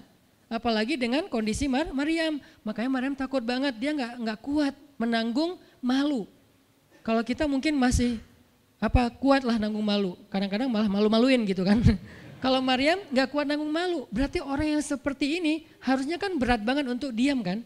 Nggak akan kuat diam, harusnya dia ngomong gitu, dia belain diri. Tapi Maryam itu uh, sisi lainnya adalah perempuan yang mukminah, siddiqah, sangat yakin sama Allah. Allah suruh diam, ya udah diam. Gimana pun dihujat, diam. Kata Allah diam, diam. Ya Allah mereka bilang saya itu berzina, diam. Ya Allah bilang ini anak haram, ini anak saya nih, anak yang mulia. Anak yang satu-satunya ketika lahir nggak disentuh setan di antara manusia loh. Satu-satunya manusia ketika lahir nggak disentuh setan. Nabi Muhammad setannya malah diislamkan. Beda, kerannya itu beda. Kalau Isa nggak disentuh setan. Kalau Nabi Muhammad setannya malah masuk Islam. Masing-masing punya keistimewaan lah. Tapi satu-satunya manusia yang lahir nggak disentuh setan, cuman Isa. Kita semuanya pernah disentuh lahir langsung. Apa sih lo datang-datang ke dunia nama-namain kerjaan gua gitu kan. Kita nih orang biasa, jadi pas lahir tuh udah ada langsung setan bisik-bisik, yuas wisufi sudurinas, makanya disuruh azan kan. Karena kenapa? Biar nggak dibisikin sama setan. Dan kalau bisa suara azan kita harus lebih lembut daripada suara setan, karena setan juga kayak ngetrik tricky gitu. Saya ibu kamu. anak bayi uh, di apa di Nina bobokan sama setan, hiduplah iblis, hiduplah iblis gitu-gitu kan. Jadi kayak di dokter nama setan, iblis itu keren, iblis itu soleh, iblis itu baik, tapi pakai bahasa nasyid. Lagunya tuh kayak akustik gitu, lembut banget gitu kan. Makanya suara muazin kalau azanin anaknya yang lembut, jangan azan Allah Akbar, Allah Akbar, syahadu Allah, ilah, ilah. Dia males ke masjid nanti kalau udah dewasa. Kenapa? Gue males banget dengan suara ini nih. Salahnya siapa coba? Salah ayahnya. Belajar azan di Al-Latif sama Muzamil, sama Teras Tafiz. Biar azannya tuh kayak Allah Akbar, Allahu Akbar. Bayinya senyum-senyum. Ntar gue bisa lebih dari itu. Canda. Intinya adalah Maryam itu pemalu banget. Jadi dia bisa banget untuk ngebales. Tapi dia diam. Sampai akhirnya fa'asyarat ilahi. Dia memberi isyarat. Arti memberi isyarat, dia nunjuk ke arah Isa alaihissalam yang masih digendong, kalau kalian mau ngomong, ngomong aja sama bayinya. Allah yang nyuruh kayak gitu. Makin makin kayak marah dan makin apa menjadi-jadi orang Bani Israel ketika Maryam memberi isyarat nunjuk ke arah Isa. Mereka bilang, "Ya Maryam, kamu udah gila apa? Sekarang kamu nyuruh kami bicara dengan bayi yang masih dalam gendongan ibunya?" Benar Maryam tuh ternyata udah stres gila. Dia gara-gara ditinggal sama selingkuhannya sekarang dia jadi orang gila. Wah luar biasa tuduhan kepada Maryam. Maryam diam aja sedih, nahan air mata. Tapi bukan emotikon yang menggenang air mata di sini ya. Nahan aja air mata sampai kemudian Allah datangkan keajaiban, jadikan bayinya bicara. Kola Isa bicara. Panjang lagi omongannya Isa. Ibuku ini baik, ibuku begini-begini, saya itu apa hamba Allah, saya itu anak yang suci, saya itu begini-begini begini sampai beres baru mereka pada pulang karena mereka merasa terbantahkan semua tuduhan palsu mereka kepada Maryam. Masuklah Maryam, disambut mulia oleh beberapa orang. Maryam itu perempuan mulia. Allah mendatangkan dia sebagai keberkahan. Tadi dituduh pembawa sial, sekarang di, disebut pembawa berkah. Mulailah Maryam terkenal. Isa dididik. Ke mana Isa pergi? Anak-anak kecil segengnya Isa pengen jadi temannya Isa. Eh gue temannya Isa lo, gue temannya Isa lo. Gak lama kemudian Isa jadi temannya uh, Yahya. Ketika dia udah bisa main sama Yahya, main berdua sama Yahya. Ke mana-mana berdua. Yahya, Isa, Yahya, Isa. Tapi usianya agak jauh berbeda. Ketika Yahya udah masuk SD, Isa barulah lahir. Jadi kayak agak sekitar 7 sampai 10 tahun lah kurang lebih mereka apa jarak usianya, tapi pas Isa udah remaja, mereka udah nyambung ngobrol. Nah, kelebihan masing-masing kalau Yahya ini penghafal kitab Taurat, datang Isa, Yahya menghafal kitab Injil. Yahya nabi, Isa rasul, satu level di atas nabi. Kalau nabi mengikuti ajaran rasul sebelumnya. Kalau rasul membawa ajaran baru. Jadi sebelum Isa lahir, Yahya mengikuti ajaran Musa dengan kitab Tauratnya. Setelah Isa lahir, Yahya mengikuti ajaran Isa dengan kitab Injilnya. Jadi bisa dibilang nabi yang mengikuti dua ajaran Rasul Yahya alaihissalam. Dia menghafal dua kitab suci sekaligus Taurat dan Injil. Perempuan Maryam alaih uh, radhiyallahu anha, dia menghafal kitab Taurat dan Injil dari anaknya sendiri. Inilah kisah Maryam yang mendapatkan keajaiban dengan cara diam. Terakhir kisah Nabi Muhammad SAW ketika beliau di apa ya bahasa lebih tepatnya dalam tanda petik ya biar nggak bisa disalahin e, kayak di apa didiemin lah sama istri-istri beliau gara-gara istri-istrinya ngam ngambek. Di dalam surat At-Tahrim surat 66 coba kita buka surat 66 ini juga kalau teman-teman baca kisah surat ini tuh luar biasa ya kita kayak baca novel atau kayak nonton film. Keren banget. Saya memang senang banget dengan siroh Nabi dan para ambia dan terutama kalau siroh ini berbentuk storytelling, bukan data sejarah ya, karena membaca data sejarah itu emang agak-agak liar sih. Tapi kalau storytelling kan kita adegan ya, wah seru ya, seru ya, seru ya. Itu lebih lebih keren daripada uh, Disney, Marvel, Endgame, satu apalah. Lebih seru baca siroh kalau kita paham. Uh, surat 66 ayat 4 eh, ayat 5 ayat 5 itu tuh ceritanya saya langsung ke ceritanya aja. Ceritanya kan waktu itu Nabi itu biasa mengam, apa punya kebiasaan. Kalau habis asar sampai maghrib Nabi ngapain pertanyaannya apa sih yang dilakuin Nabi antara asar dengan maghrib? Ternyata kebiasaan Nabi di hari Jumat antara asar eh, bukan hari Jumat di hari-hari biasa antara asar dengan maghrib itu adalah keliling ke rumah-rumah istrinya. Antara asar dengan maghrib. Itu waktu family time lah. Keliling antara rumah-rumah istrinya. Kalau nggak habis dalam satu hari besok dilanjutin. Nah hari itu Nabi datang ke rumah Maria yang dari Mesir itu. Istri beliau yang dari Mesir Maria Kiptia dan lama di rumah Maria nggak pulang nggak nggak apa nggak nggak pindah-pindah gitu. Sementara Hafsah sama Aisyah udah nungguin Nabi di rumahnya Aisyah berdua karena emang Hafsah sama Aisyah ini kan ngegeng banget ya berdua ya.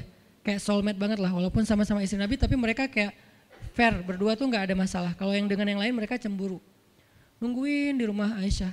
Hafsah, Nabi di rumah siapa sih sekarang? Kata Hafsah di rumah Maria. Kok lama banget sih di rumah Maria dikasih makan apa sih? Gak tahu tuh dari tadi kita tungguin gak datang-datang. Kan sesama cewek nih ngobrol. Lama nggak datang-datang, menjelang maghrib Nabi baru datang. Aisyah udah agak bete nih, lama banget sih giliran uh, di Maria aja datang lama di rumah saya lama nggak datang-datang. Begitu Nabi datang, tuh Nabi datang, Nabi datang. Dia aja Aisyah sama Hafsah. Assalamualaikum. Waalaikumsalam. Kayak ngambek gitu kan. Kata Nabi, Aisyah kenapa? Hafsah kalian kenapa? Kata Aisyah, ya ya iyalah sedih. Kok di rumah Maria lama banget dikasih makan apa sih enak ya? Kata Aisyah. Enggak, enggak makan apa-apa, cuma minum madu. Oh, kata Hafsah, pantesan kok bau mulutnya enggak enak. Pasti madunya enggak benar tuh di sana tuh. Iya, enggak benar, jangan minum madu lagi, kata Aisyah. Kata Nabi, ya udah mulai sekarang saya enggak akan minum madu lagi. Demi apa? Menyenangkan hati A Aisyah. Aisyah langsung, yes, Nabi enggak akan minum madu lagi demi saya. Berarti saya kan istimewa banget. Kenapa bisa istimewa? Karena aslinya Nabi itu hobi banget minum madu. Kayak saya mungkin senang minum kopi. Tapi demi istri, mulai sekarang saya nggak akan ngopi lagi. Kan istri saya ngerasa, wah demi aku tuh dia nggak mau ngopi lagi. Kan keren kan? Akhirnya Aisyah ngomong ke istri-istri yang lain, eh kalian tahu nggak? Kata Aisyah.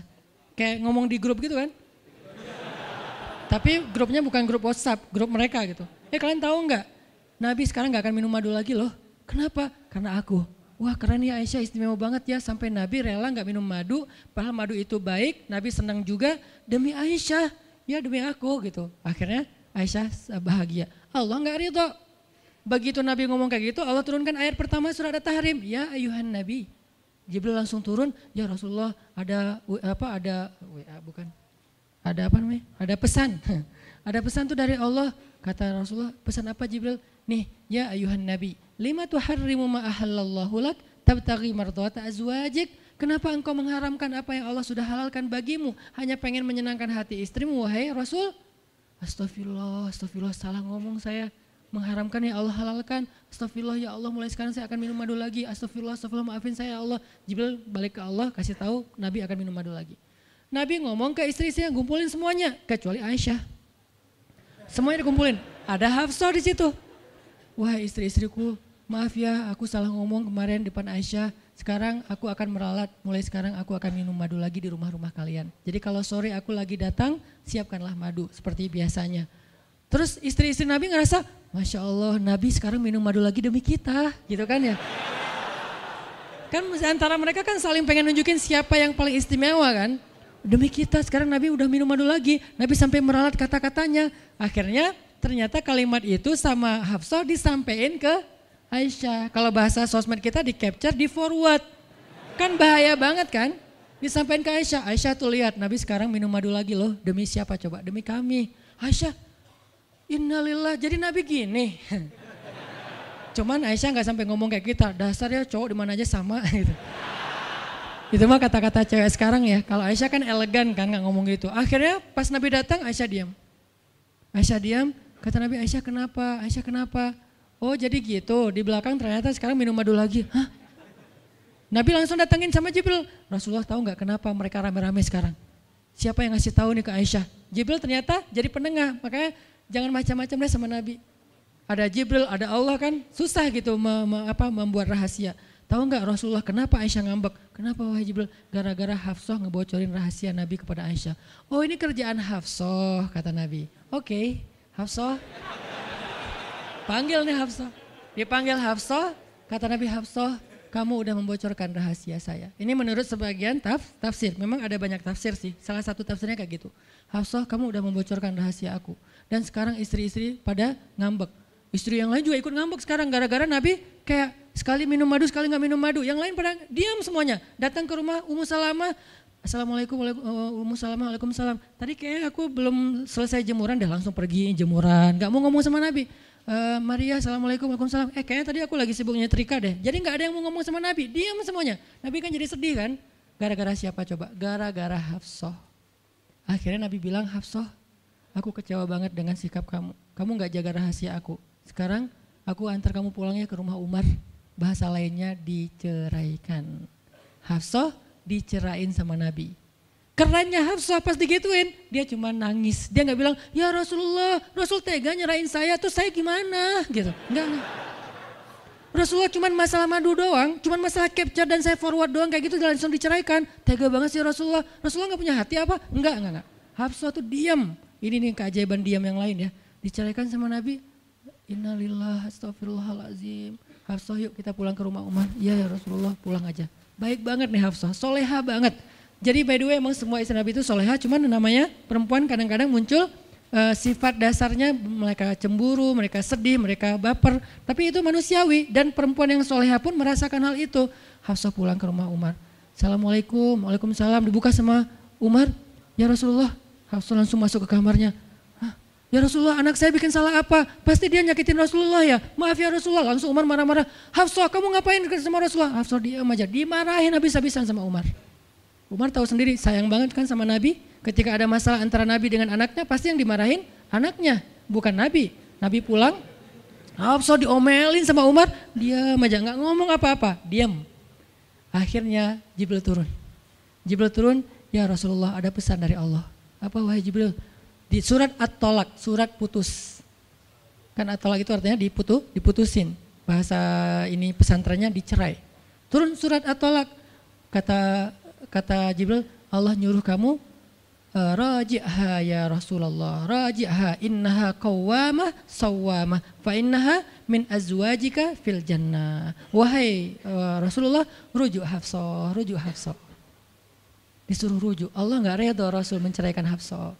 Tahu nggak kenapa Allah begitu membela Hafsah ketika Hafsah ada masalah dengan Rasul? Salah satunya karena Hafsah diam. Harusnya Allah ngebela Rasul. Umar aja ngebela Rasul. Sahabat-sahabat ngebela Rasul karena Rasulullah selalu benar. Tapi Allah ngebela Hafsah. Kenapa? Karena Hafsah diam, sebegitu ajaibnya diam. Sampai ketika ada seorang perempuan bermasalah dengan kekasih Allah, Allah malah membela perempuan ini, bukan kekasihnya. Raji'ha ya, ya Muhammad, rujuk Hafsah, rujuk Hafsah. Dia itu istrimu di dunia dan di surga. Akhirnya Rasulullah, jadi saya rujuk wahai Umar, ya Hafsah masih nangis di kamarnya.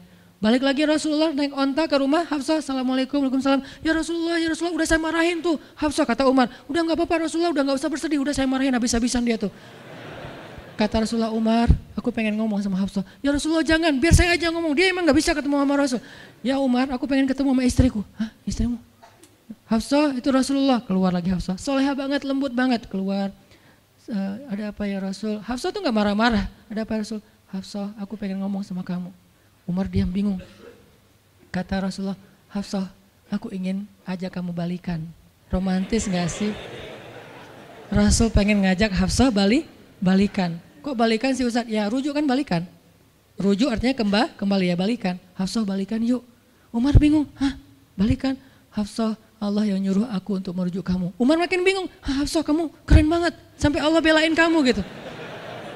Kata Nabi Hafsah, Allah turunkan ayat khusus tentang kamu di surat ini. Umar makin bingung, sampai turun ayat, Masya Allah, Masya Allah, anakku ini subhanallah, Masya Allah gitu kan ya.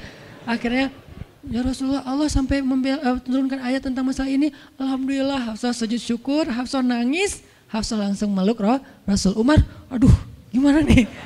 Udah beres gitu, Hafsah dibawa pulang sama Rasul, boncengan berdua. Hafsah boncengan sama roh, Rasul. Naiklah mereka, mobil mereka yang bermerek onta itu.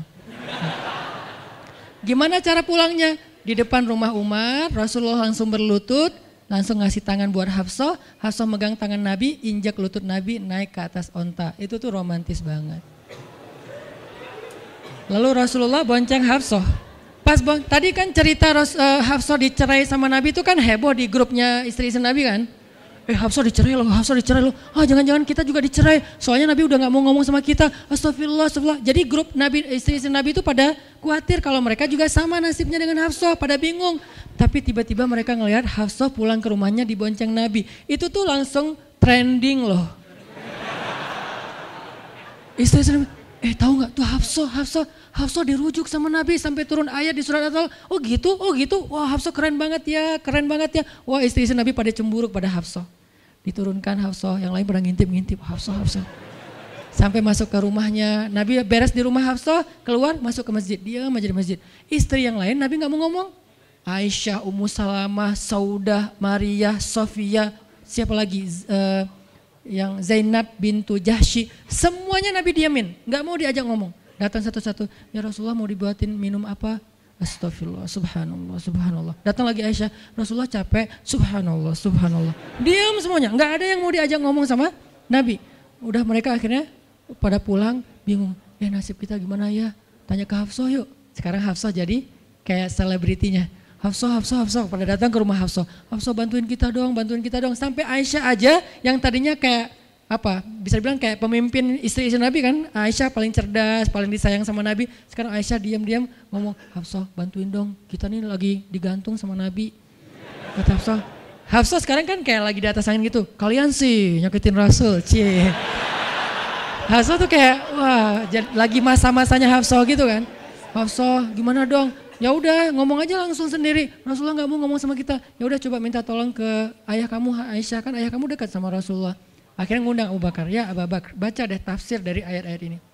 Abu Bakar datang, ayah tolongin kami dong. Kenapa? Kami itu dianggurin sama Nabi, didiamin, digantung udah seminggu lebih. Jangan-jangan kami juga dicerai kayak Hafsah. Kalau Hafsah dicerai tapi udah dirujuk, kami gimana nasibnya? Akhirnya ya udah biar aku yang ngomong sama Rasul. Datanglah Abu Bakar ke masjid. Rasul lagi zikir. Ya Rasulullah, itu istri-istrimu mutus saya. Subhanallah, subhanallah, subhanallah. Ya Rasulullah, Masya Allah, Masya Allah, Masya Allah. Ya Rasulullah la ilaha illallah. Abu Bakar aja Rasul nggak mau ngomong sama dia. Padahal Abu Bakar itu udah paling akrab sama Nabi. Abu Bakar diam, nggak bisa diajak ngomong nih. Abu Bakar balik lagi ke rumah istri-istri Nabi. Kata istri-istri Nabi, gimana Abu Bakar? Astagfirullah, innalillah gimana kalau Abu Bakar aja nggak bisa, gimana yang lain? Terus akhirnya datang lagi ke Hafsah, Hafsah bantuin dong, bantuin dong, kita udah nggak jelas nasibnya nih. Kata Hafsah, ya udah aku minta tolong ayahku ya. Hafsah masih kayak nggak mau langsung ke dia gitu. Ya udah aku minta tolong ayahku ya, panggillah Umar. ayah bantuin mereka dong nasib mereka sekarang lagi terkatung-katung gitu. Umar marah, kalian sih. Nah, tadi kan yang diomelin Hafsah kan, sekarang diomelin semua istri Nabi diomelin sama Umar. Dan salah satu kalimat omelannya Umar itu tuh kerennya Umar sampai di repost sama Allah. Coba. Ada nggak manusia yang kata-katanya di repost Allah? Nggak ada, cuman Umar. Dua kali kata-kata Umar di repost oleh Allah. Arti di repost apa? Ditayang ulang di Al-Quran. Kan repost itu berarti tayang ulang kan? di capture, langsung di copy, pas, langsung ditayangin. Itu tuh kata-kata cuman Umar yang pernah digituin sama Allah. Kata-kata Umar apa? Ayat ke lima. Kata Umar, kalau kalian nggak minta maaf sama Nabi, Allah bisa aja mentalak kalian, menceraikan kalian dari Nabi, lalu menggantikan untuk Nabi istri yang lebih solehah, lebih hafizah, lebih bertaubat, lebih baik, lebih cantik, lebih perawan daripada kalian. Itu tuh kata Umar yang ada di ayat kelima. Jadi bisa dibilang ayat kelima adalah ayat ripostnya kata-kata Umar. Saking kerennya Umar. Sampai Nabi pernah bilang kalau ada Nabi setelah aku Umar lah orangnya. Cuman gak ada Nabi setelah aku. Jadi kalau ada orang yang benci sama Umar saya heran. Dia baca sirah apa? Karena Umar itu keren banget. Abu Bakar tuh keren banget. Kalau kita baca sirah mereka dahsyat tuh. Dan kalau ada yang bilang Umar sama Ali itu gak akur, aneh juga. Karena Ali memberi nama anaknya yang pertama Abu Bakar. Yang kedua Umar. Yang ketiga Utsman. Ketika ditanya sama Umar, ya Abul Hasan kamu memberi nama mereka dengan nama-nama kami, kenapa? Kata Ali, aku berharap mereka jadi orang soleh seperti kalian. Terus gimana caranya? Ali ngasih nama Umar sementara dia benci sama Umar, Gak mungkin dia benci. Masa ngasih nama orang yang dibenci kan? Dek namanya siapa? Namrud. Kok Namrud sih? Kan ayah saya benci banget sama Namrud. Datang lagi dia namanya siapa? Iblis. Kok iblis sih gitu kan ya? Gak mungkin lah ngasih nama anak pasti karena sa sayang. Kayak saya ngasih nama Aisyah, Maria, Mutia, Yahya, Ertugrul itu karena memang saya ngefans dan ngidolain banget dengan nama-nama ini. Yahya Ayyash, tiga, nama, tiga tokoh di situ. Nabi Yahya, Ayyash sahabat Nabi, dan Yahya Ayyash mujahid Palestina. Jadi tiga tokoh sekaligus. Nabi Yahya saya ngidolain banget supaya Yahya jadi anak kecil yang seperti Nabi Yahya menghafal Quran. Kedua, Ayyash itu sahabat Nabi Muhammad. Kemudian yang ketiga, Yahya Ayas sekaligus itu nama mujahid Palestina yang uh, paling pintar ngerakit banyak senjata-senjata untuk ngelawan Israel dan dia dibunuh sama Israel saking Israel benci sama Yahya Ayas untuk membunuh Yahya Ayas mereka ngebom satu blok untuk membunuh Yahya Ayas dan mudah-mudahan dia syahid dalam uh, apa dalam kejadian itu. Artinya saya ngefans gitu. Ali juga kayak gitu. Balik lagi ke cerita tadi, akhirnya ngundang Umar. Umar datang ke Rasulullah. Ya Rasul, saya diutus istri-istrimu. Subhanallah, subhanallah. Ya Rasul, bicara dong, kasihan mereka kayak digantung. Ya Rasul, apakah engkau menceraikan mereka semua? Baru Rasulullah ngeliat ke arah Umar, Rasulullah tersenyum, Rasulullah bilang, enggak wahai Umar. Allahu Akbar, kata Umar. Dia langsung tak takbir, Allahu Akbar. Istri-istri Nabi dengar suara takbirnya Umar, itu pertanda, kode, berarti berita gembira. Istri-istri Nabi juga, Allahu Akbar, Allahu Akbar, rame gitu kan. Umar masuk ke rumah istri Nabi, Wah Umar, Abu, apa Bushra ya Umar, Bushra berita gembira, wahai Umar, ya berita gembira, kalian tidak diceraikan oleh Nabi. Tapi jangan macam-macam lagi ya. Ya ya Umar, ya ya. Akhirnya sujud, syukur semuanya. Beres sujud syukur, mereka bilang, eh kita masak-masak yuk untuk Rasul yuk, syukuran. Di rumah siapa? Ya di rumah Hafsah lah. Cie. Akhirnya mereka masak-masak di rumah Haf, Hafsah. Pas sudah beres masak-masak, mereka ngundang Nabi untuk pulang. Tapi yang berani ngomong sama Nabi cuman Hafsah, Hafsah kita udah beres masak nih, minta dong Nabi pulang ke rumah. Ya udah tenang, biar aku yang minta. Hafsah datang, ya Rasulullah kami masak-masak loh untuk Rasul yuk pulang yuk. Ya Hafsah udah beres Nabi zikir, sujud, beliau balik sama Hafsah. Sampai ke rumah Nabi, tenang, udah selesai lah urusannya. Apa yang terjadi setelah itu Ustadz? Udah gak ada riwayatnya, eh jadi gak bisa diriwayatin. Pokoknya beres itu mereka pun hidup bahagia selamanya. Apa pelajarannya di sini? Dua orang di sini dapat keajaiban lewat diam. Satu Hafsah. Allah suruh rujuk gara-gara dia diam. Kedua Nabi, diam aja sambil zikir sampai akhirnya Allah beri pelajaran yang berharga. Istri-istri yang tadinya ngambek serentak semuanya insaf, insaf bahasa kita. Sadar dan mereka minta maaf kepada Rasulullah. Jadi kalau istri lagi ngambek, lagi ngomel, diam isilah diam kita dengan zikir. Tapi zikirnya bukan auzubillah minasyaitonirrajim, auzubillah. Jangan, dia bukan setan. dia hanya lagi ngam, ngambek. Subhanallah, Masya Allah, Alhamdulillah lah. Yang paling efek itu la haula wala quwata illa billah. Itu ngefek banget. Mudah-mudahan ini bisa menjadi penyemangat motivasi untuk kita semuanya betapa kata asomt as-sukut diam aja dalam Islam itu adalah kebaikan yang luar biasa dahsyat. Mudah-mudahan itu bisa jadi behavior perilaku kita sehari-hari, perilaku kita di sosial media, perilaku kita di jalan, di rumah, di mana pun, sehingga orang yang sudah hijrah, udah ngaji, mukmin harusnya bisa menjadikan diam sebagai bentuk pembelaan diri kalau dia ada masalah. Barakallahu fiikum. Subhanakallahumma wa bihamdika asyhadu an la ilaha illa anta astaghfiruka wa atubu ilaik. Assalamualaikum warahmatullahi wabarakatuh.